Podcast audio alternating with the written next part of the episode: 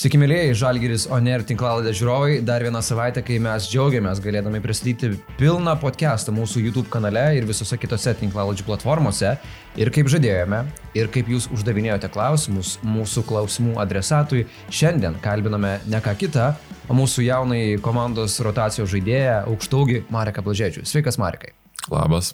Prieš pradedant šį podcastą, aš noriu pasiklausti, kokia tau dabar yra situacija su žiema. Ar labai užknisa, ar tenka nuo mašinos užšalusi ledą gramdyti, ar turi kažkokią stoginę garažiuką, kur viskas tvarkoje ir gali ramiai atvažiuoti iki arenos. Iš tikrųjų, žiema manęs neužnisa, bet jin labai netikėtai atėjo, labai greitai, kažkaip, jo, šiek tiek per greitai, neįprastai. A, neturiu jokio garažo, tai tenka gramdyti. Tenka gramdyti, ar ne? Ja, labai patinka, labai faina. Bet tikiuosi, kad su piršiniam gramdai. Jo, jo. Nesušali. Ja. Tikrai nesušalau, tikrai, tikrai nesikeikiu ir tikrai nesušalau. Gerai, bet žinai, jeigu ką, kad žiemą jaustumai sveikesnis, gintarinė vaistinė mūsų podcast'o remėjas, aišku, siūlo ir maisto papildų. Nežinau, žinok, žiema rimtas reikalas, aš jau porą kartų sirgau ir net nebuvo žiemos, taigi jeigu reikia maisto papildų, vis laik yra gintarinė vaistinė, o jeigu nori užkast, Aš po pusryčių, aš po pusryčių, bet... Bet žinau, kad jūs rūpinatės. Užkandžiaujamės tikrai, tikrai jeigu būna ilgesnės treniruotės ir reikia, reikia kažkur komandžioką palaukti arba užsisakai maistą ir matai, kad ilgai tai sueina vienas, du sureliai arba koks jogurtukas. Koks yra tavo surelių suvalgymo rekordas? Turi kažkokį tokį neoficialų? Kokie penki? Penki? Jo, žalgerio rubiniai būtų 5 su arbata.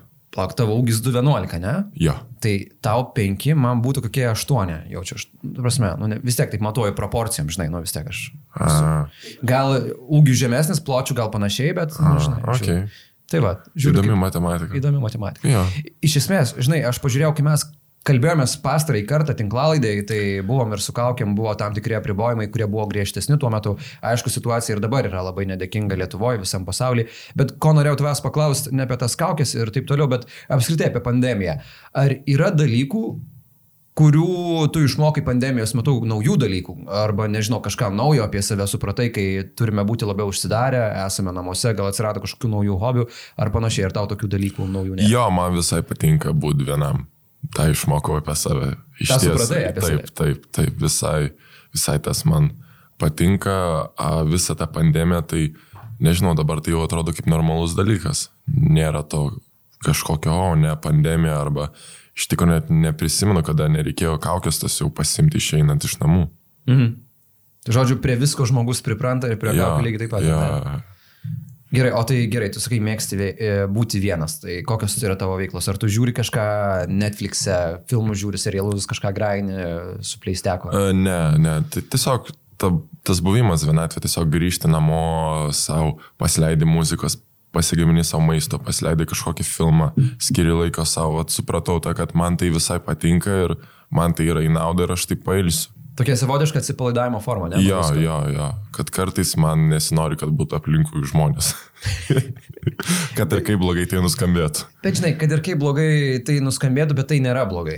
Reikia tikrai su savim pabūti ir save suprasti. Jeigu savęs nesupranti, tai daug dalykų gal ir gyvenime nu, nenuvyks. Jo, jo, ta pandemija man padėjo išmokti būti vienam ir iš, išmokti tuo mėgautis. Tai mhm. Tai tikrai sudėkingas jai iš dalies. Iš dalies taip ir aš kur norėčiau pakreipti tą mūsų temą, tas, apie tas, žinai, mintis po praėjusio sezono. Aš pamenu, mes kalbėjomės per LKL uh, uždarimą, uh, per tą visą vakarėlį ir tu toks buvai ramus, sakai, kad uh, supratau, kad gavau mažai uh, žaidimo laiko, bet turiu būti kantrus ir turiu laukti to kito sezono. Tai jeigu mes dar grįžtume į tavo momentą, uh, kai baigėsi sezonas, kas iš esmės tave privertė pasilikti žalgerį ir tikėti tuo, kad uh, tu gali būti svarbus žaidėjas ir tu, tų minučių gali būti daugiau. Nors treneris buvo likęs tas pats ir antram sezonui. Aš pats norėjau likti, čia nebuvo joks per prievartą ar nebuvo čia toks vienas pokalbis, kur mane sako, o jau, jau lieko, aš tikrai norėjau likti ir rodžiau iniciatyvą ir Pauliui ir, ir mes bendravom su, su tuo metu pagrindiniu treneriu Martinu ir, ir aš nenorėjau galvoti apie kitas opcijas, kad kažkur važiuot kitur, žaisti už kitą komandą. Tai taip viskas ir gavosi, kai abi dvi pusės nori, tai ir randasi bendras sprendimas. Mhm.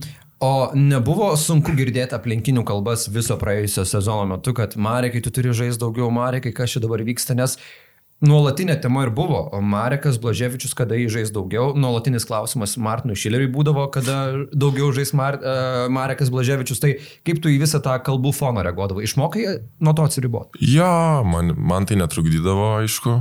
Aišku, mūsų tas pokalbis e, po sezono su Martinu irgi buvo, jis irgi tą užakcentavo, kad e, jį tuo metu užkniso medija su klausimais apie mane, kada aš žaisiu.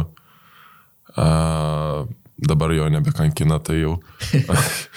aišku, atsiribojau, man tai, man tai netrukdė, aišku, buvo sunku tiesiog nežaisti. Nežaisti krepšinį, nežaisti to žaidimo, kuris tau, nu, kurį tu myli.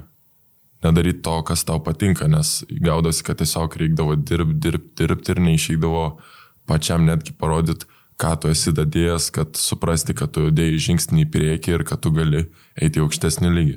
Mhm. Kalbant apie tą visą, kaip tu sakai, dadėjimą į savo tą judesių arsenalą, į savo tą kūno stiprumo arsenalą, kaip tu galvoji, kur tu labiausiai buvai patobulėjęs po vasaros, pasitikdama šį sezoną. Aš aišku, nebesileisiu tas kalbas su į tą pačią temą, kad tu sportavai ir su Stevenu Adamsu, yeah. su daug pajėgių NBA žaidėjų. Man atrodo, tavęs klausi šimtą kartų jau, ne? Bet iš tos kūno patobulėjimo pusės, tokių techninių dalykų, kur tu jau teisėdėjai žingsnį į priekį? Mm, galbūt buvau radęs, kad ir juokingai tai nuskambės tą optimalų kūno svorį, kuris man yra labai patogus. Aišku, tai nėra ten kelis dešimt kilogramų, kad aš būčiau lengvesnis, bet man atrodo pusantro du kilogramais aš pradėjau sezoną lengvesnis ir tas svoris yra dabar išlygęs ir aš jaučiuosi su tuo tikrai patogus. Ir, ir galbūt tie paprasti žmonės to nelabai supras, bet aikštelį būnant tas vienas, du kilogramai, tu tikrai iš ties jauti tą, kad, kad kažkur tu esi greitesnis, mobilesnis, galbūt kažkur tave lengviau nustumė, bet tu tą viską pasveri, e, pasveri tos visus pliusus ir pasirinkti, su, su kuriuo dalyku tu, tu nori gyventi, kad geriau gal, galbūt šiek tiek būti greitesniu ir tada pradėti gynybui stengtis anksčiau, kad tavęs nesustumtų. Mhm. Bet čia yra irgi darbas ir man reikia prie to priprasti ir dar, dar kartais trūksta tikrai koncentracijos ties tuo. Kaip jaunas žmogus, uh, iš kur tu gavai tos informacijos ar tų patarimų, koks turėtų būti optimalus tavo svoris, nes tai yra, kaip ir pats minėjai, labai svarbus dalykas. Mes matėm uh, kas galėjo nutikti su plastiškais jaunais aukštaugiais kaip Jono Valančiūno atveju, kai jis Toronte vienu metu buvo pavirsas į tokį robotuką, ar ne? Yeah. Pridėjo papildomai kilogramų. Martinas Ekodas irgi turėjo savo kūno transformaciją, tai iš kur gavai tu tos informacijos, koks turėtų būti optimalus tavo kūno svoris? Tai iš tikrųjų, iš tikrųjų pagrindinė turbūt Paulius Jankūnas, jo praeitą sezoną daug turėjom diskusijų irgi apie, apie kūną ir apie visą, visą tą priežiūrą kūnui, kad vis tiek esam, esam tokie ir žmonės, ir žaidėjai, kad mums lengviau yra prieaukti svorį ir lengviau yra numesti ir reikia pasitengti prižiūrėti optimalų uh, kūno svorį, kad nu, nebūtų pastovaus tokio krūvio ir keliam, ir sanariam, kad nebūtų visų pirma tos rizikos traumai. Antras dalykas, kad tiesiog nesame atletiškiausi žaidėjai ir reikia stengtis būti optimaliausi savo formui, kad galėtum, galėtum pakovoti, kadangi turim tą natūralią jėgą. Mhm ir, ir Paulius, ir, ir aš kažkiek to turiu, tai tikrai daug padėjo tie pokalbiai su juo ir, ir, ir jis pasakė savo patarimus ir, ir iki šiol kartais jais naudojasi ir vasarą tiesiog buvo irgi vienas iš tų tikslų, kad turėtų jau pasiruošusi kūną sezonui, kad, kad nereiktų, nereiktų man per pasirišimą dar įdinėti formą, tiesiog jauč, jaučiausi, kad atvažiavau su fiziniais galimybėm, kad nu jau esu pasiruošęs žaisti, aišku, į krepšinio formą užtruko įeiti, bet, bet tas kūnas, manau, buvo pasiruošęs tikrai neblogai. Minėjai apie tą atsiradusi tokį greitį, mobilumą, judėjimą, vikrumą, numetus kelias kilogramus.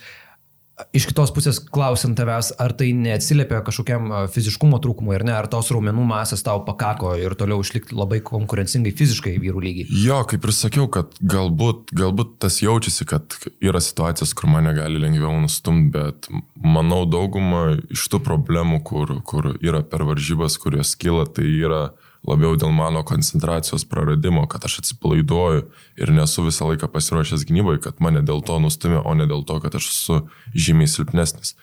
Tai aš sakyčiau, kad tai yra problema. Aišku, galbūt tie keli du 3 kg būtent tik raumenų masės būtų į naudą, bet nesinori su tuo per daug, kaip sakoma, rushint, nes man tik dar 20 metų ir, ir vis tiek ateis ta savaime jėga ateis tas svoris, dar mano kūnas dar transformuojasi, aš, aš tiesiog savaime didesnis darausi, man rūbai irgi vis dar darosi mažesni, tai aš su to nenoriu persistengti, kad vėliau nebūtų irgi sveikatos problemų. Nes, mhm. nes vis tiek didelis gan vaikis esu. O kiek šitam dideliam vaikui dar e, reikia papildomai treniruoklių salėje padirbėti, e, kiek reikia tą mytybą prisižiūrėti, kokia yra tavo apskritai ta kūno priežiūros rutina, jeigu galėtum papasakoti? Mytyba iš tikrųjų yra lengviau dabar prisižiūrėti, kai daugiau praleidi žaidybinio laiko aikštelį, kadangi įsteigini daugiau tų kalorijų Taip. ir daugiau gali sauliaisti to valgyti junk foodo ir vis tiek būti toj geroj kondicijoje. Nes kartais po varžybų neturi didelio apetito, kadangi vėlai viskas baigėsi, yra tos emocijos, viskas nuslėgsta, ateina tas nuovargis, tai lengvai užkandi ir tada ryte atsikeli labai alkanas. Tai tikrai tada prisirišia labai stiprius pusryčius. Tai kaip ir sakiau, iš tikrųjų dabar yra lengviau tą prisidėti, nes galiu leisti savo daugiau kartais kažkokio tokio junk foodo. Kas yra tavo go-to junk foodas po grajus? Uf, po varžybų iškart ne, bet vat, būna arba per laisvą dieną, ar, ar kai taip užeina, tai eina ir picos. Picos eina. Eina ir picos, eina ir burgeriai, eina ir iš tikrųjų sparnelį patinka, patinka meksikietiškas maistas.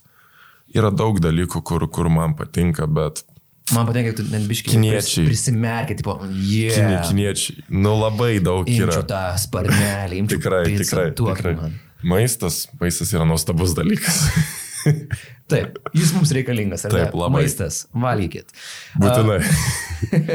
Bet apskritai, tai to papildomo kažkokio tokio neįtikėtinai didžiulio darbo nėra, ar ne? Tiesiog yra... Ne, aš stengiuosi e, tos papildus, kaip sakoma, tą magnį, e, stengiuosi sunaudoti daugiau pratino, kad pasirūpintų to, kad mano raumenys atsistatytų, kad mano svoris per daug nekristų ir nekaitaliotų. Aš atsižvelgiu į tuos dalykus, aišku, taip idealiai, profesionaliai tai neišeina padaryti, bet kiek man pačiam tai gaunasi, aš, aš to pasirūpinu. Koks esi, pavyzdžiui, tu treniruočio procese?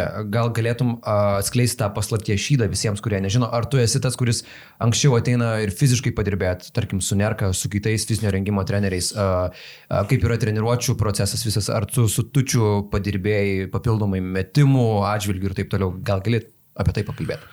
Įvairiai, negaliu pasakyti, kad turiu visiškai tą pačią rutiną visą laiką.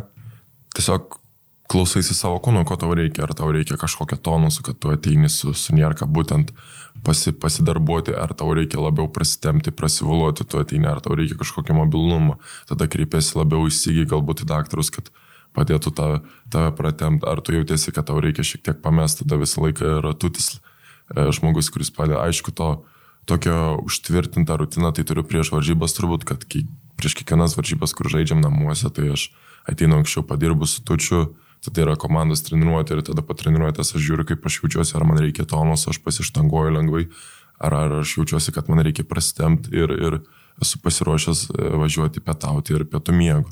Tai va, tai būtų tikrai, kad prieš kiekvienas varžybas tai darbuoja su tučiu, mes turim savo rutiną ir pradedam nuo puskablių, nuo visokiausių užsibaigimų kairį dešinį arčiau krepšio ir tada einam toliau, eina flauteriai, eina vidutinio mitimo situacijos iš, iš visokiausių short rollų, arba pagal derinius, de- derinius einančius, kuriuos turim, tos situacijos, kur aš galiu per varžybas mesti. Ir, ir, ir viskas. Mhm. Tai čia būtų tikrai, vat, kad, kad kaip laikrodis, tai yra tas darbas vat, su, su tautvidu prieš varžybas.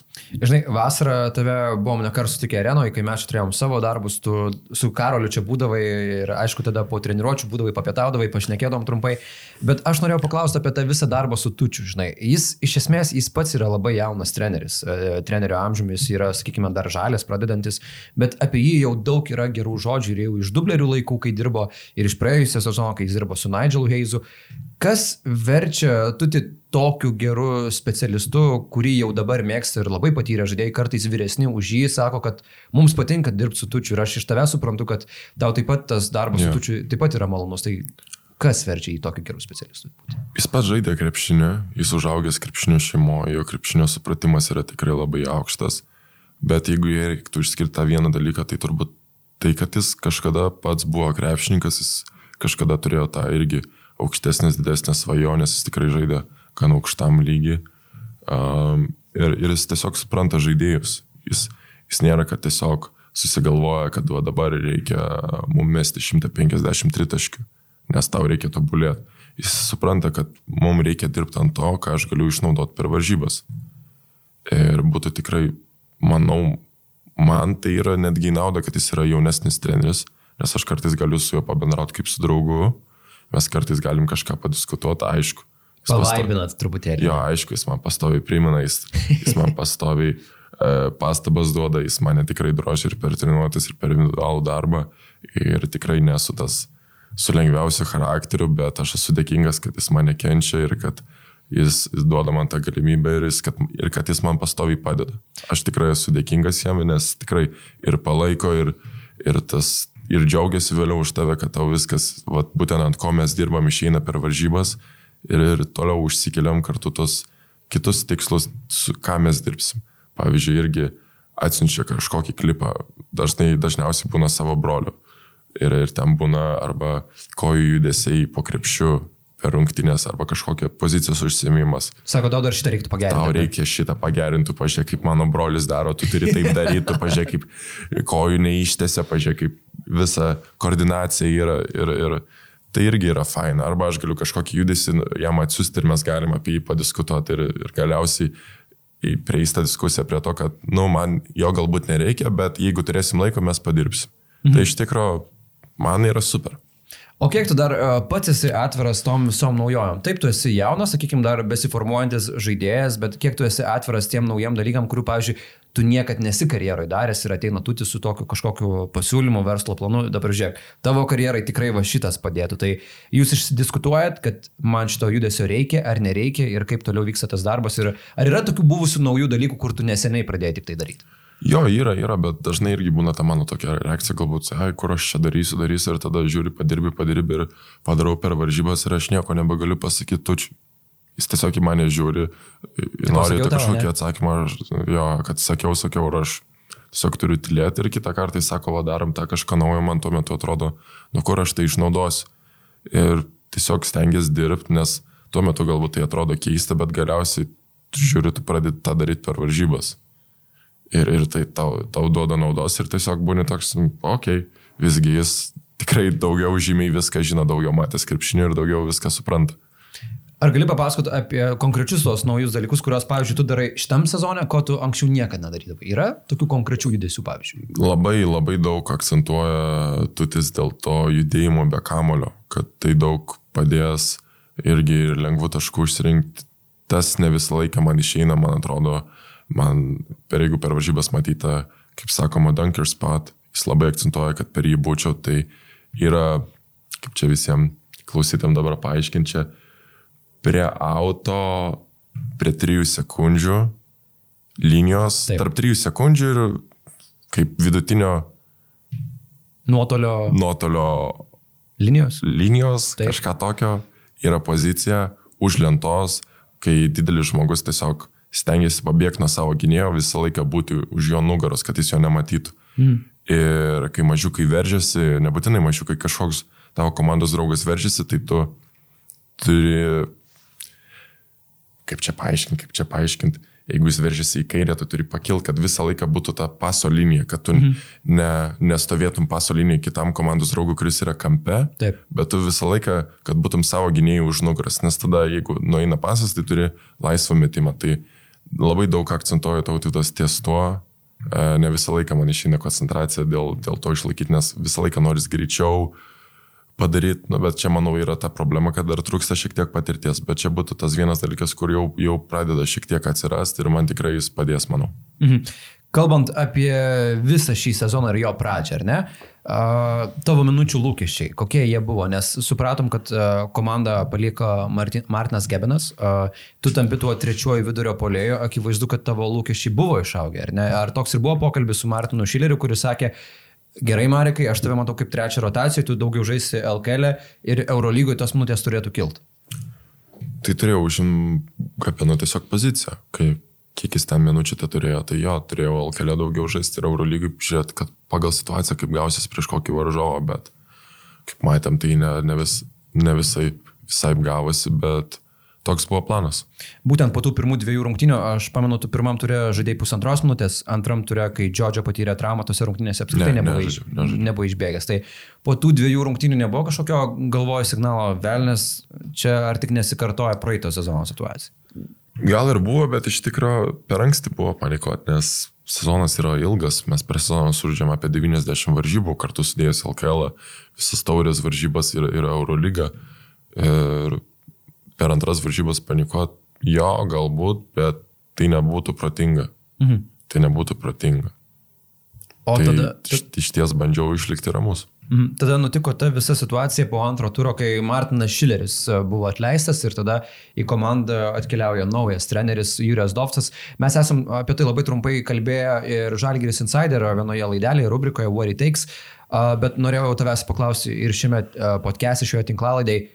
Ar, ar tai buvo šokas, ar tai buvo naujienos, kurių na, buvo galima tikėtis, kad Martinas Šileris iškeliaus iš komandos? Manau, buvo galima tikėtis, mes tikrai nežaidėm gero krepšinio. Mes prieš sezoną pralaimėjom visas penkias varžybas ir tikrai pralaimėjom, gerai, yra Nadol, Eurolygos čempionai. Tai turbūt ta komanda, prieš kurią tik galėjom pralaimėti, visas kitas komandas su visa pagarba, prieš kurią žaidėm, taip jos yra geros, bet nu, mes turėjom pasimti tas pergalės, kad ir tai buvo prieš sezoninės rungtynės, mes negalėjom jų pralaimėti. Ir tada, aišku, Alkelė pradėjom tikrai nelabai užtikrintai ir tos Eurolygos dvi rungtynės, galbūt labiau tos pirmosios išvyko prieš Asvelį, atrodė tuo metu, kad, nu, būtina laimėti, nes tikriausiai žmonės turėjo nuomonę, kad tai yra vis dar praeitų metų Asvelis. Kaip dabar matome, šitą komandą tikrai demonstruoja labai mhm. gerą žaidimą ir visus stebina. Ir tada antros varžybos būtent uh, uh, be, be pagrindinio įžaidėjo buvo Zenitas, jeigu neklystu. Taip. Tai irgi prie savų fanų atrodė, kad galim laimėti tas rungtynės. Galbūt, galbūt tai buvo labai greitas sprendimas priimtas, bet mes nerodėm to gero krepšinio. Manau, tikrai galima buvo to tikėtis, kas įvyko. Neklausiu apie komandos reakciją dėl naujo trenerio, bet man labai įdomu tavo asmeninė patirtis. Atkeliauja Jūrijas Dovcas, aš pamenu tą akimirką, kai jis uh, su visais rūbiniais susipažįsta, spaudžia visiems rankas, tada jauni žaidėjai, sveiki ir jauni žaidėjai. Tai ką tada tu gali pagalvoti, kai jis tuos jaunus žaidėjus, matyt, sutraukia į tokį vieną darinį, dėl, aišku, dar kol kas jų nepažįsta, natūralu, treneris tik susipažįsta su jais, bet kaip tau gali atrodyti, kad a, Velnes dabar vėl nesu tikras, ar būsiu geroje ar ne situacijoje? Nežinau, labai Lietuvos medija išputė, kad e, mūsų treneris dabartinis labai piktas. Atrado Tie YouTube klipai. Jo, YouTube klipus, e, pradėjo rašyti ten straipsnius, kad labai griežtas ir panašiai. Bet jis iš tikrųjų taip, jis turi savo taisyklės, taip jis yra gan griežtas, bet galbūt būtent tos medijos visas uh, parašymas, Ažiotažas suke- sukeltas. sukeltas, privertė mane tikėtis, kad, nežinau, čia atvažiuoja kažkoks diktatorius. Ir dabar kaip yra, man atrodo, nu, visiškai normalu ir be jokių problemų. Mhm. O būtent kaip kalbėjai dėl to su, sujungimo su jaunimu, tai nežinau, kažkaip tuo metu per daug nesureikšminau. Bet, bet vis tiek iki šiol treneris kartais vat, prikiša, kad esu jaunas, kad visa kita. Čia buvo irgi situacija uh, kažkuria užpraeitą treniruotę, kad po treniruotės jau sėdim, uh, daktarai mums parašė ten gėrimus atsitamuosius, aš geriu tą gėrimą, su Karoliu kažką šnekamės, dar yra Tyleris, treneris ėjo link durų, kažką pamiršo, apsisuko, kažkokį mostą su rankom padarė, aš jį žiūrėjau, šiek tiek nusišypsau, jis pamatė, kad aš nusišypsau ar žvengiu iš jo ir sako, ai, Damarė, go pass the ball to, to Zokį, nes tuo, tuo metu Zoronas metė vienas ir, Jo. ir, ir neturėjo kas papasot, na tai reikėjo Žodžiu, tokia bausmytė, ne? Nu, tokia, tokia, bet jis pats nusižvengė ir buvo patenkintas tom, kad aš atsistojau ir nuėjau pasat. Tai iš tikrųjų negaliu pasakyti, kad jis yra griežtas be nieko. Jis tikrai turi tų priežasčių, kodėl jis gali būti toks. Jis, jis tikrai be reikalo nereikia ar neduoda pastabų visą laiką. Yra suidėję tos pastabos ir, ir būtent dėl to, kad jis nori, kad aš būčiau geresnis žaidėjas, tai aš esu jam dėkingas, kad jis stengiasi dėl manęs ir skiria to, to laiko ir, ir, tarkim, ir po treniruočio pasikviečia, pasako mano klaidas, tai tikrai yra malonu. Kaip jis žiūri apskritai tave, kaip jis mato, kaip gali tave išnaudoti, jeigu jau mes kalbėsime apie tos jūsų asmeninius pokalbius kartu. Jis labai daug akcentuoja, kad viskas prasideda nuo gynybos, kad viskas nuo gynybos prasideda, o polimas ateina savaime. Ir aš iš tikrųjų tiesiog stengiuosi būtent žaisti gynybą pagal tas taisyklės, kokias jis yra iškėlęs. Ne visą laiką tai gaunasi, bet, bet mes kaip ir komanda dar tobulėjom ties to, kad ištobulinti būtent uh, tas, tas savo gynybinės taisyklės. Turbūt tos varžybos per dvigubą savaitę namie, ką, ką matėm prieš Pau ir, ir, ir Fenerį buvo geriausios mūsų gynybinės varžybos ir tai, ko mes, siekiam. Tas varžybos Barcelonoje šiek tiek, nes, nu, ne šiek tiek tikrai prastai gavosi mums gynybai realizuoti būtent tą ideologiją, kokią jis mums teikia, bet viskas prasideda pagal jį nuo gynybos ir, ir aš tai stengiuosi gyvendyti, o polime tai treneris tiesiog savaime su laiku jau sigalvoja kažkur kaip ką išnaudoti, ar tai yra roll situacijos, ar kažkokios užsisilinimo situacijos ir manau, jeigu taip ir toliau galbūt su laiku kažkiek daugiau to visko bus, bet man reikia pačiam rodyti gerą žaidimą ir, ir gerą žaidimo formą, kad užsitarnauti ne tik minutės, bet ir kažkokį pasitikėjimą polime didesnį. Ar apskritai gali papasakoti, kiek buvo komandai to, sakykime, tokio žaidybinio šoko pačioje pradžioje, kai ateina naujas treneris, jis aišku nori iš karto, neš kažkokių korekcijų gynyboje, natūralu, kad polime iš karto visko negali, pridėk naujo, nes tiesiog žaidėjams susisuks smegenys, bet jau aišku, kad yra kažkokių gynybinių korekcijų, tu turi jau kažką įdėkti, bet supranti, kad e, dar reikia žaisti ir tą seną sistemą, tai kiek va tas pač, per pačias pirmasis kelias rungtynės, per tą dvigubą savaitę, galbūt ir dar per kitą savaitę buvo tokio chaoso aikštėje, kai jūs kartais susižiūrėdavote sėdėdavot ir realiai nesuprasdavot, ką, ką dabar turim daryti, pasimetę būdavot? Tikrai buvo sunku, nes neturėjom tų treniruočių net iš tikrųjų, kad, kad žaisti prieš, prieš, uh, prieš Cerveną ir, ir Oli, tai mes turėjom vieną treniruotę, man atrodo, prieš išvykimą, ar, ar, ar tai dvi. Tada buvo prieš Oli vieną treniruotę ir pamėtymas.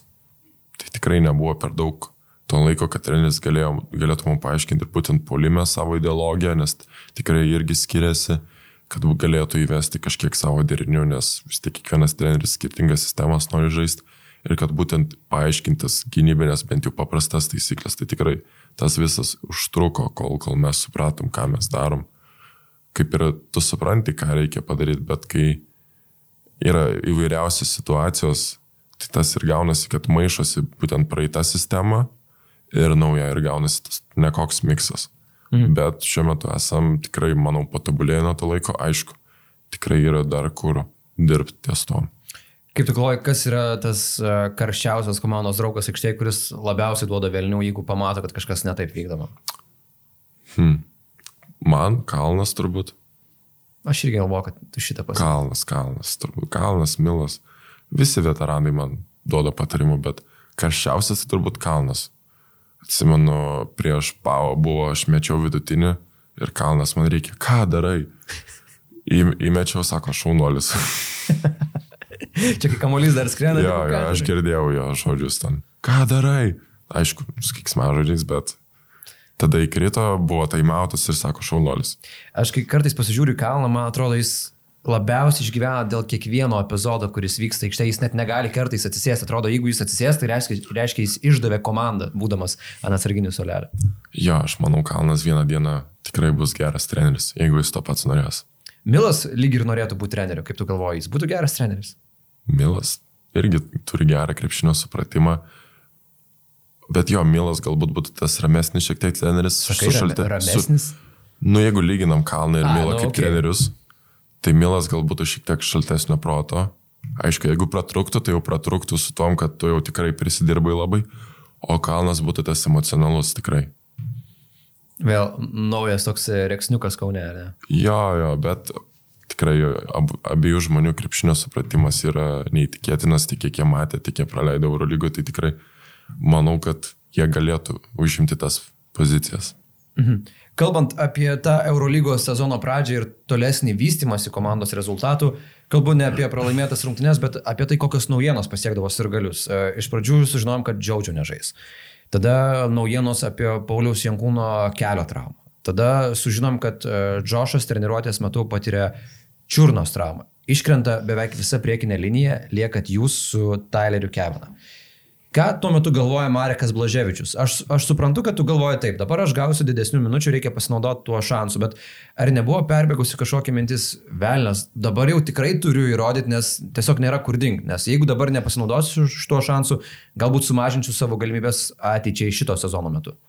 Kažkaip man atrodo, trenerių pasikeitimas Džodžio trauma jau į tai galbūt reagavau kažkaip. Jau tuo metu, ar ne? Jo, reagavau į tai O vėliau tie visi įvykiai, kai ateina, tai jau toks būni, nu, jau, nu, kad nebestebina, kad tos problemos kamuoja.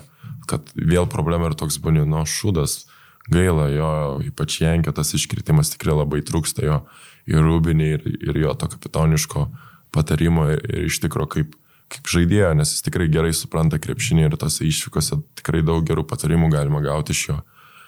Uh, tada Džošas per treniruotę išsisuka čiurną, tikrai daug tokių įvykių, bet, nu, jau nebegalėtų atsisis ir toks pradėti, kad, o Dieve, ir vėl tas, jau toks būni, okei. Okay. Jau nubukintas nuo okay, tų visų emocijų. Jo, toks būni, okei, okay, važiuojam toliau ir tiek, nebuvo tų tokių kažkokių minčių, o dabar turiu sužaisti būtinai. Tiesiog išeini ir žaidži krepšinį. Per daug spaudimo aš savo nesusikėliau. Mhm. O ką tau treneris sakė prieš tas įsimintinas rungtynes Madride? Berots ten pirmą kartą tu starto penkite. Ne, vis tiek treneris turėjo pranešti naujienas, kad... Per apšilimą jis pasikvietė mane, sako, Marika, jis į startą, davai be durnų baudų, sako, vienas centras esi ir, ir, ir gerai atidirbk. Ir viskas, tai buvo tiek, ką jis pasakė. Tiesiog, jo, eisi į startą. Jokio papildomo užkrūvimo, ar ne? Ne, jokio užkrūvimo nebuvo, sako, varyk drąsiai ir tiek. Iš esmės toks nuteikimas ja. gal net ir geriau, ar ne? Jo, jo, tikrai, Neprideda tikrai, nereikalingos informacijos. Jo, tikrai buvo tas, tai, tas jautės jo palaikymas, kad, kad jis pasitikė manim, tai taip man tiek ir užteko. Aišku, padariau klaidų, bet mes vėliau irgi kalbėjom, kad, kad ko jis nori iš manęs daugiau, tai manau, mes, mes esam geram keliu, kad aš dabar jį dar geriau galiu suprasti. Žinai, uh, žaidėjai būna sužaidžia tą savo debiutinį sezoną, kartais jis labai iškrenta iš konteksto dėl labai geros statistikos, bet labai natūralu, kad pavyzdžiui jaunas žaidėjas debiutuodamas aukštame lygyje, jis nerenka didelės statistikos, nes ir tų minučių daug nebūna, kaip ir nutiko tavo atveju, ar ne? Praėjusiame sezone atrodo prieš Pau žaidė gal 17 minučių, o iš viso sezono 28. Na, yeah. tai negali kažkaip išskirsti tų minučių kaip į labai tokias pilna vertes. Dabar, kai tu gauni daug minučių, Ar dabar ir jauti, kad tu pagaliau prisijaukini tą Eurolygos lygį? Ir dabar man atrodo, kad yra tas tavo debutinis sezonas, kai tu gali parodyti visą save, kai tu gali toj visoji gražiausiai šviesoji parodyti, ar ne? Tai kokias pamokas tu gauni iš va šito sezono, kai tas minučių skaičius jau yra nuoseklus kažkoks - 17, 18, galbūt 20. Jo, tai aš tikrai nes, neskaič, neskaičiau praeitą sezoną kaip debutinę, tikrai ten kelios tas minutės, jo, tai buvo debutas, bet tik tiek, tai buvo patirtis kažkokia iš šono mačiau, kaip viskas vyko. Dabar jo, tai yra tiesiog galbūt tas supratimas, kokio lygio yra iš tikrųjų Euro lyga. Dabar galiu aš suprast, nes tai nėra, kad aš galėjau tai suprast praeitais metais prieš paskutinės varžybas. Per paskutinės varžybas susupavo, kai jau Pau atvažiavo visiškai nenusiteikus, tai paskutinės varžybos ir jokios svarbos nebebuvo. Dabar jau įrodysiu viską, ar ne? Jo, jo, aš negalėjau pajausti krepšinio Eurolygos krepšinio skonio. Dabar, ypač va sezono pradžio, tai viskas jaučiasi kaip kiekvienos varžybos yra svarbios. Kaip kiekvieną ataką, kiekvienas žaidėjas kovoja. Nėra jokio turbūt žaidėjo aikštelį, kuris pasimtų savo, nu šią ataką aš palsėsiu, ar tai gynyboje, ar tai polime. Kiekvienas kovoja ir tai tu vėliau supranti, kodėl tai yra Eurolyga, kodėl taip žaidėjai apie tai šneka ir kodėl yra taip smagu žaisti krepšinį tokiam lygiai. Tai tikrai yra faina. Ir čia, kaip ir minėjai, pasijaučia kiekviena tas smulkiai klaidelė, net tas koncentracijos Kiekvien, praradimas komandinėje gynyboje galų gale. Kaip išnaudoja tavo klaidas iškart, tu negali prarasti tos koncentracijos. Nebent tu, nežinau, tu nebent esi Nikola Mirotičius, Brendonas Deivisas, Larkinas, Misičius, tada jo, tu gali sauliais, nes tu jau kažkokį lygį esi pasiekęs, tu jau gali kaip ir ateiti rungtynės nepasiruošęs, matai, kad o čia mums nesiseka ir tada įjungi aukštesnę pavarą ir sužaidži. Kaip dažniausiai būna su Larkinu, kai buvo prieš, prieš Fenerbačią. Kad kaip ir nesiseka, nesiseka ir tada, kai paskutinį kėlinį šovė, tai buvo neįtikėtina žiūrėti.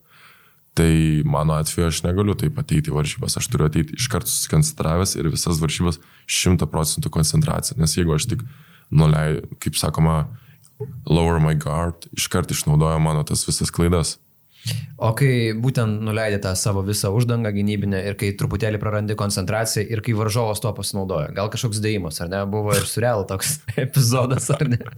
Prisimeni dar. Tai ja, aš tai prisimenu, bet aš neišskirčiau būtent tą atvejį, aš labiau išskirčiau visokiausi tai, tai kirtimai per tas rungtynės, kurias mes laimėjom, arba irgi rungtynės su Bayernu, mano nesportinė pražanga, kur irgi galbūt, jeigu jos nebūtų, gali, gali, galbūt varžybos kitaip pasibaigtų mano irgi pramestas baudos. Mano neužsibaigimas iš pakrepšio. Kiek tu metu užvirė šūdas tau kaip jaunam žinai, kad aš dabar jau kitoj pusėje jau dabar viską įrodysiu. Nu, ne, ne, nėra, kad jis užvirė, bet tiesiog tu būni piktas ant savęs ir, ir toks būni... Nu, aš nežinau, negaliu apsakyti, aš paprastai žodžiais, kaip tai iš tikrųjų būna, bet tiesiog būni ant savęs piktas, kad, nu, va, taip padarėjai, kad esi nusivylęs savo va, tokiu polgiu, kad tu va, pagalvoji, kad gali dabar atsipalaiduoti ar padaryti tą klaidą ir toks būni... Uh, šūdas, velnės ir tada tu žinai, ką tu padarai, tu atsisėdi ant solo ir tu dari dar išklausyti vieną, antrą, trečią kartą, tada kitą dieną video su komanda žiūrim, ten paminė, tada kitą kartą žiūri su tautvidu sabonį individualiai, vėl tau paminė ir tu tikrai prisiminė tą klaidą ir manau, va, tas irgi, kad tau pastovi, va, kartais primena mano atveju, tai yra galbūt į naudą, nes nustengęs tada jau nebe, nebepakartotų klaidų tokių va, didesnių. Svarbu, kad tos atmetimo reakcijos nebūtų, ar ne? Jo. Aš žinau, žinau, nesakykit. Jo, aišku, čia irgi su laiku, aišku, kartais būna irgi ta atmetimo reakcija, bet stengiuosi e, taip nereaguoti, nes žinau, kad ir komandos draugai, ir, ir treneriai nori tik geresnės, susirinkę esame vienam tikslui. Kiek tau padeda pačiam tobulėti, kad uh, dabar daug tų rollų suki su, na tikriausiai vienu iš meistriškiausių rollų sukėjų Mantų Kalniečių, jam prieš sezoną buvo numatytas pagalbinio žaidėjo vaidmuo, nes Emanuelis turėjo būti tas pagrindinis atako organizatorius, bet dabar iš esmės šalia tavęs yra tas žaidėjas, kuris pick and rollus, na, tikrai žino aukščiausių įmanomų lygių toj pačioj Europoje. Tikrai, ne, net ne kiek tie visi pick and rollai, kiek tiesiog galimybė e, išgirsti jo irgi patarimus, ką geriau galiu daryti. Tas gavimas pastovi irgi vilnių, kad e, netgi ir per treniruotės, jeigu kažkur kažkaip irgi atsipūdėjo, tai iškart man tas kalnėtis man irgi išrašys, kaip sakoma, Vilnių, pasakys, ką, kaip, ne kaip darau, sakys, kodėl aš čia atsipildavęs ir panašiai, ir gynybų, ir polime būtent. Tai tikrai gaunu geras pamokas ir, ir stengiuosi tai išnaudoti. Tikrai labai faina žaisti su tokiu žaidėju. Šie Vilnių išrašyti Manto Kalniečių. Čia tokia remimo pozicija galima atrasti. Ja, ja, ja. Apie tą gerą dar savaitę pabaigai prieš mūsų žiūrovų klausimus, aš tavęs norėjau paklausti. Buvo tos dvi išėlės laimėtos Eurolygoje rungtynės ir atrodo, kad, na aišku, komandai užaugo, sakykime, kažkoks pasitikėjimas savimi, kažkokie sparnai, su kuriais galima naudotis ir skristis aukščiau, bet tos rungtynės su Barsa toks savotiškas, atrodo, sugrįžimas į realybę. Kaip, kaip jūs priemėt tą pralaimėjimą? Ar tai, nežinau, tiesiog nenusiteikimas prieš varžovus, kurie buvo nukraujavę, nors aišku, tai sunku pavadinti, kai žaidži prieš Barsą, bet kuo tai galima paaiškinti?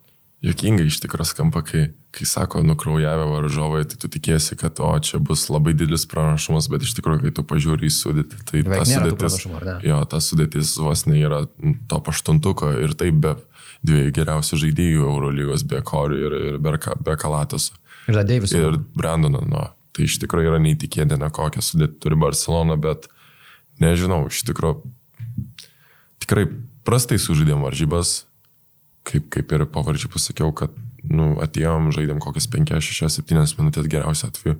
Ir nebuvo to būtent, ką gynybai nori treneris, kad viens kitam pastoviai padėtume, kad būtų tas aktyvumas, kad, kad polime mes dalintumės pastoviai to kamuoliu, kad ne, nesustotume, nes Varsa pradėjo gintis e, switcholų gynybą, kai, kai viską keičia, visus rollus ir tikrai mes turim problemų su ta gynyba, o Barcelona turbūt taip ginasi, jeigu ne geriausia, tai nebent Milanas gali geriau už juos pasiūlyti tokią sistemą, tai būtent tada tuo metu sustojo tas kamulio judėjimas mum ir, ir mes pasimetėm, tai vat, tie aspektai turbūt ir, ir, ir atspindi tą galutinį rezultatą, mhm. kad truko to kamulio judėjimo, bei, bei gynyboje mes ne, nepadėjom vienas kitam, kaip mes iš tikro galim, mes nesužaidėm tų varžybų, kokiu mes galėjom sužaisti.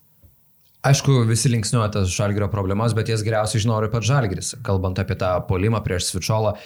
Kiek tai yra tokia, sakykime, jau užprogramuota problema dėl galbūt kažkokios komplektacijos, papildomos reikimybės ir kiek ties tuo dirba treniruočio metu, kad galėtumėte išspręsti, kad turėtumėte atsarginį planą B, jeigu varžovai, geri varžovai sustoja ir tai pradeda ginti.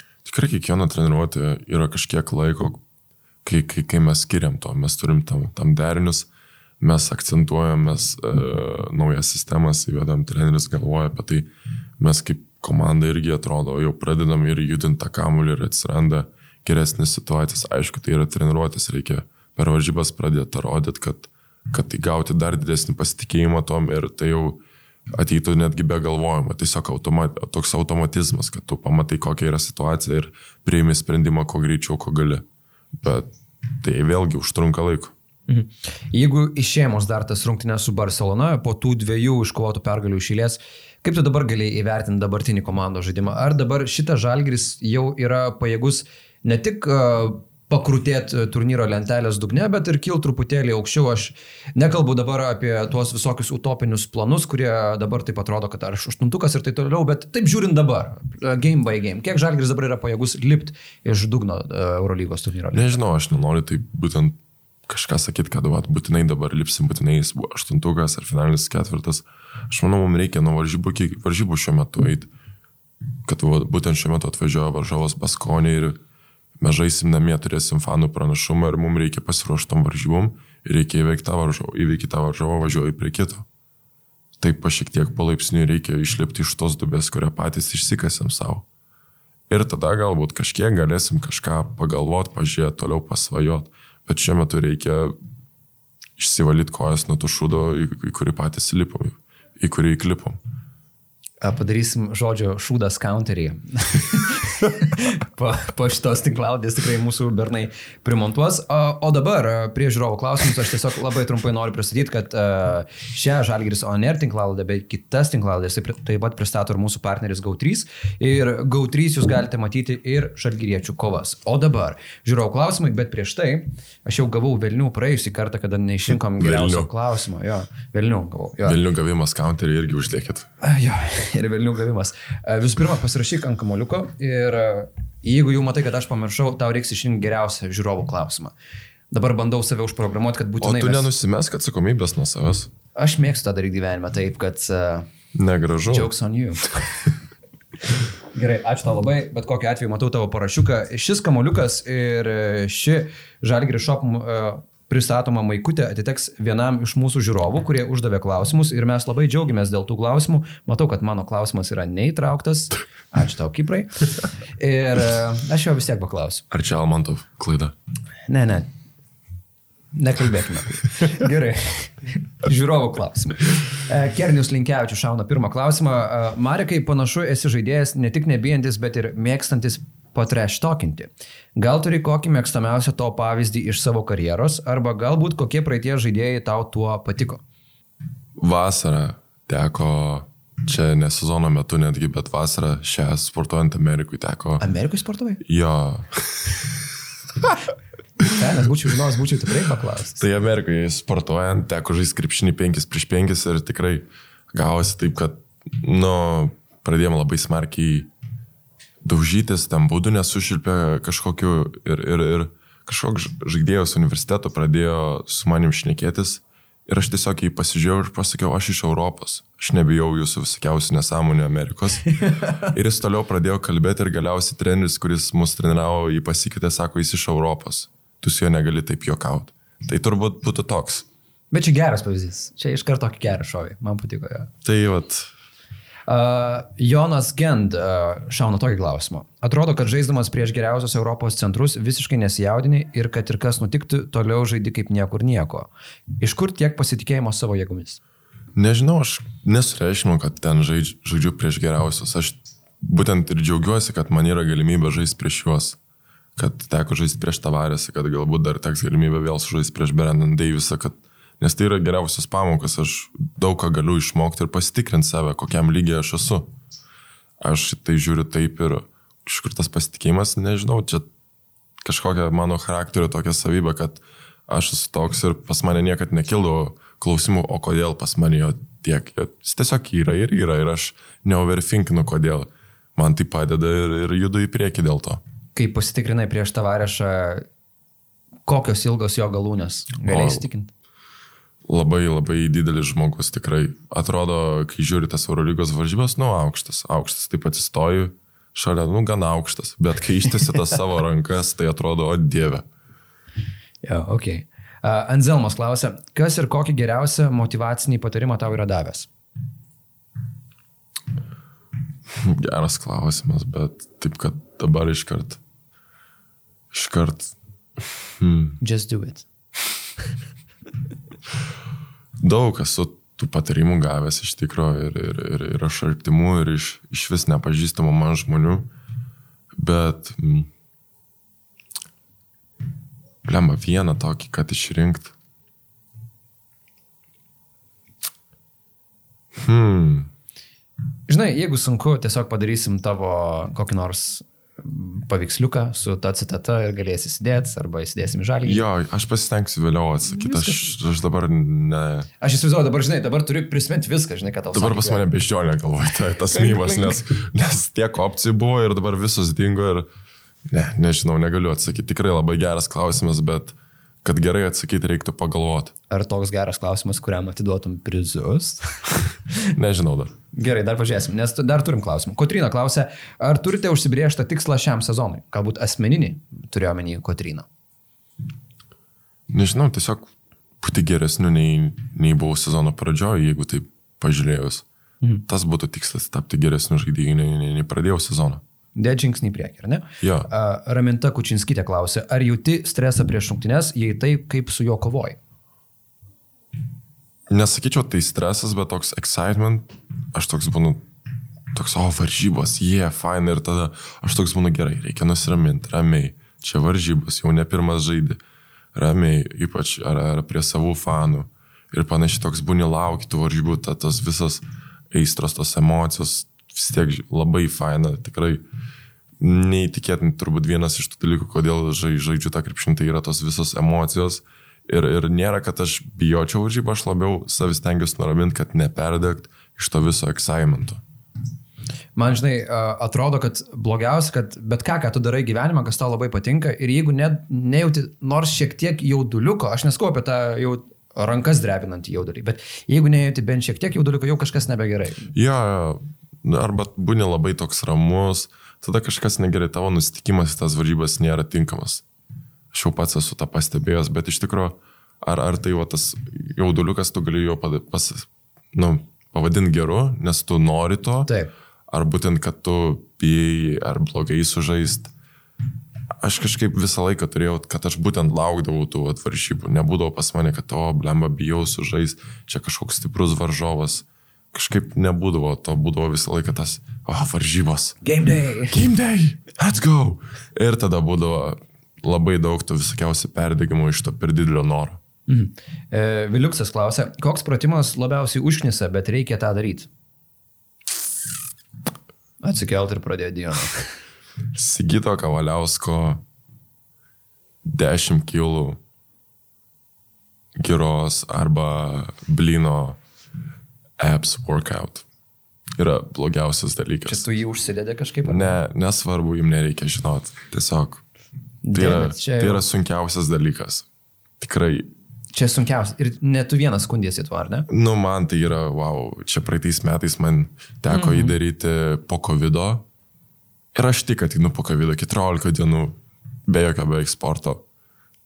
Hey, Prasitempiu, apšilu ir Sigis šipsosi, sako, darysi mano firminį ir aš toks, oh lord. Bet jis turi tokį ir ne tokį. Jis turi. Jis šiek tiek sadistas. Sakytai linkėjimai. Uh, Eimantė klausia, gauni pakvietimą suvaidinti serialę. Ai, man šitie klausimai patinka tikrai. Koks tai būtų serialas ir kodėl? Serialą suvaidinti? Gali būti ir užsienio rinkos.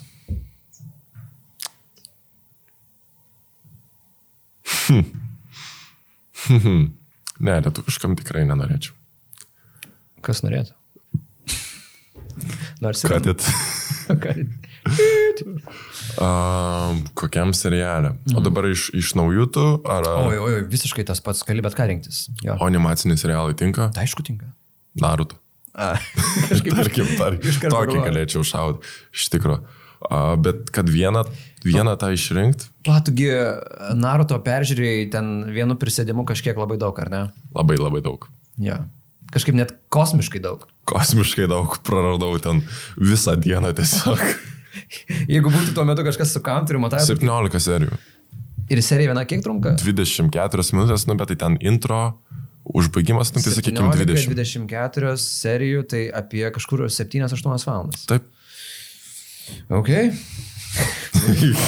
Vaiva klausė, kokius tris komandos draugus pasimtum kartu dalyvauti Wipeout televizijos laidoje? Žinai tą laidą? Ten, kur šokinėti reikia, ne? Nu, ten kažkokios kliūtis visokios, minkštos ir į vandenį įgriūnį, apsipazorinį, bet nu, ką pasimtum? Džošą. Būtinai Džošą. Manau, kažkas sulaužytų, jis ten su savo jėga. Ta prasme, kur... Arba jis tiesiog peršoktų visus. Kutis, reikia jį peršokti. Jis viską per... Jo, jis peršoktų, nu, jam tiesiog per lengva būtų. Tai būtų įdomu pažiūrėti. Tai vieną jau turi, tai reikia dar dviejų. Veteranų neimčiau, nes dar susiramuotų. Čia labai pavojinga būtų. Jie šeimas turi, turi kur grįžti. Kažkaip norisi, kad ateitis jų dar būtų. Jo, jo, jo, jo. Karolis. Karolis, taip. Gotta go. Hmm. Ir kažką dar. Ne? Paimčiau minutą. Kodėl? Nes jam atvykus labai daug įvykių, jau vyksta čia žalgeris, daug smaišalo, čia šimtinis taškas panašiai. Tai dar vieną ant viršaus. Aš tik galvoju, jums kokį tai dėl... Arba, jo, jo, aš galvoju, arba tajus, arba minėtas, nes tajus dėl visokiausių reakcijų ir panašiai būtų jokinga, bet reikia dar minėtų šiek tiek spaisinės ir jo, į jo gyvenimą.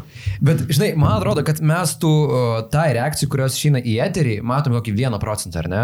Jo. Ar jis tas yra žmogus, kuris ne tik prieš kameras, bet tarkim ir treniruotės metu kažkas nutinka, jis ir ten sureaguoja savo... Būna, būna, būna. Tikrai būna. Alright. Uh, Skaistė klausė. Kokios muzikos dažniausiai klausai? Čia reikės į stilių atsakyti, ar kaip? Tiesiog chill, laid back dabar. Dažniausiai būna, aišku, daug yra pas mane repo, yra popo. Sakau, kartais užeina, nori kažkokios klasikos pasileisti. Tiesiog, nu, toks vaibas būna. Mhm. Uh, Klasika, čia mes kalbam apie, ne. tarkim, Backstreet Boys, ar jau way back klasika, way Mozartas? back, Mozartą kokį pasileidai tiesiog. Aišku, 2000 metų, kada norisi kažką pasiklausyti ten. Uh, sexy bag ir panašiai, visokiausių tų Timberlake'ų. nu, įvai, įvairia, įvairiausių dainų aš turiu savo playlistą. Tu žinai, kas yra Jasnas Timberlake'as, ar ne? Tikrai taip. Nice. Man atrodo, žinai, tu, tu du pirmų gimimo, ar ne? Gerai, aš baigiu šitą temą. Gerai. Jaruševičiūtė klausė, ar palaikote ryšį su buvusiais žalgriečiais? Uh, jo. Rokas ar ne? Jo, Rokas, uh, su Mariu buvom susirašę keletą kartų, uh, su Tomu buvom keletą kartų susirašę.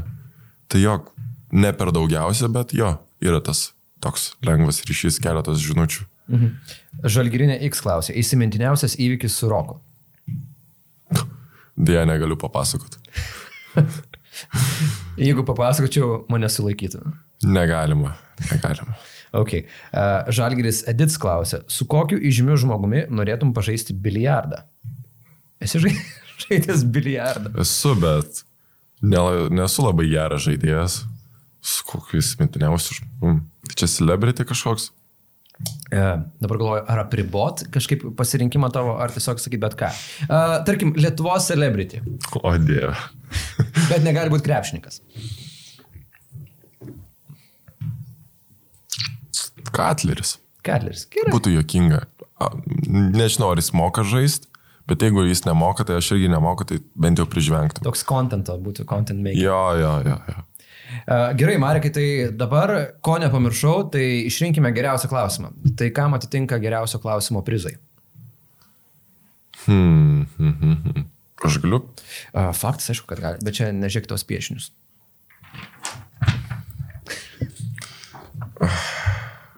Plema daug buvo gerų klausimų, į vieną neatsakiau dar. Hmm. Ta, kurią atsakiau, negaliu išrinkti. Deja dar. Ko Vaiva Vainusytė. Aš Jūs- manau, Vaiva Vainusytė. Vaiva, gali pakartoti jos klausimą. Kuris, kurios tris komandos draugus pasimtum kartu dalyvauti Wipeout televizijos laidoje?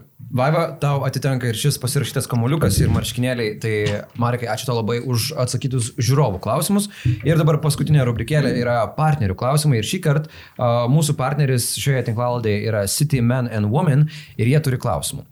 Kuris komandos žaidėjas tavo galva yra pats stilingiausias ir daugiausiai dėmesio skiriantis aprangai? Nilsas. Nilsas iš tikrųjų turi fainą stilių. Uh, dažnai ateina į, į treniruotę su, su gerais batukais, ten džinsai kelnes, užsimetęs paltuką, šalikiukas. Šiuo metu jis kovoja su COVID, jau ilgai jo nematėm, bet prieš tai tikrai, tikrai turi tokį labai solidų, fainą stiliuką. Toks tvarkingai visą laiką. Tvarkingai, tvarkingai, neskaitant. Nu, toks prie Pauliaus, kur kur irgi tvarkingai, nieko įspūdingo, bet pažiūri toks labai solidu. Nice. Ar tau yra svarbu, kaip atrodai už aikštės ribų? Mm, aš beveik visą laiką su treningais būnu, nes per daugiausiai nėra progų kažkur nueiti gražiai apsirengus. Tai kaip ir jo, kadangi vis tiek avalinė mano visą laiką stengiuosi, kad būtų išvalyta ir, ir, ir, ir, ir mėgstu didesnį pasirinkimą batų. Didelį pasirinkimą iš tikrųjų treningų turiu, visokiausių, visokiausių spalvų. Bet negalėčiau labai pasakyti, kad man labai, labai rūpi, nes jeigu per dieną dvi treniruotės, tai aš negaliu užsidėti džinsų, palto ar kažką tokio labai gražaus. Mm. Nes tai yra tiesiog paprasčiausiai nepatogu. Ja. Svarbiausia jausis patogiai. Taip. Kaip vertini vieningą komandos stilių, kai komanda į Eurolygos išvykos rungtynės keliauja pasipuošę kostiumais? Labai fainai iš tikrųjų. Atrodo, kad net pasitempė, ar ne, truputį? Jo, tai pasitempė, labai solidžiai atrodo toks biznis tripas, taip Labai solidu, labai fainai. Kažkaip yra žymiai gražiau, toks, nežinau, toks vibas yra, kad, nu, nes treningais važiuoji ne kiekvienas skirtingai, o taip visi vienodai, taip grėsmingai gal netgi. Man tos labai patinka nuotraukos jūsų išvykos, kai jūs išskrendat ir kai atskrendat kažkur, kai šiandien tikrai atrodo tokia solidi komanda. Ir paskutinis mūsų klausimas iš partnerių rubrikos City Men and Women klausė, kokias stiliaus detalės, aksesuarus e, labiausiai mėgsti. Ar turi kažką tokio?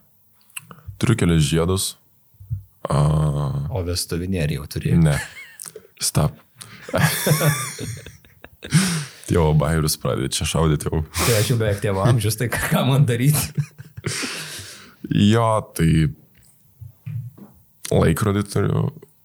Paprastą yra Apple Watch, bet dažniausiai nu, nešioju Apple Watch, nes tikrai faina pažiūrėti, kiek tu žingsnių suvaikštai, kiek tavo draugai suvaikštai ir ten kartais pakompitinė, tai Aš biški pačitinu užsidedu į treniruotę tada jau. Kiek yra daugiausiai tau rodė? Oi. Tu, turi savo kažkokį rekordą neoficialų? Amerikoje, sporto, jo, Amerikoje buvau. Aš tau nepasakojau, ne? Amerikoje? Jo, jo, šią vasarą. Už Atlanto. Taip, taip, taip, taip, už Atlanto. Kurioje vietoje buvai? LA, Los Andželė. LA. Dar jeigu su kokiam bei žaidėjai treniruojasi, tai galima atskirą podcastą padaryti. jo, tai man buvo dienos gale rodė, kad jeigu neklystu, apie 5000 kalorijų sudeginau. 5000 kalorijų? Taip. Čia kaip kokių 17 Naruto serijų pražiūrėjus. Piški mažiau, mažiau, mažiau. Markai, galėtume dar šnekėti ir šnekėti, bet uh, laikas baigėsi. Ačiū tau labai, kad apsilankai mūsų tinklalodėje. Ačiū, kad uh, tobulėjai, augai, kad esi protingas, atsakingas uh, vaikis, nebe vaikis, jau beveik suaugęs. Lauksime to žiedo ant piršto ir... Baig, baig. Ir lauksime dar geresnių pasirodymų. Labai tavim džiaugiamės. Ačiū labai. Ačiū. O šią tinklalaidę bei visas kitas Žalgiris Onero tinklalaidės galite rasti mūsų YouTube kanale bei visose tinklalaidžių platformose. Ir aišku, nepamirškite prenumeruoti ir Žalgiris Insider platformos, kurioje galite rasti papildomo turinio. Ten ir neretai matote Mareką, taigi apsilankykite ir ten. Ačiū labai. Ačiū.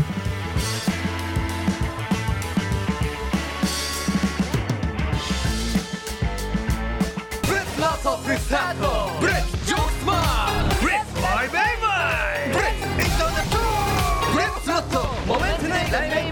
internet tout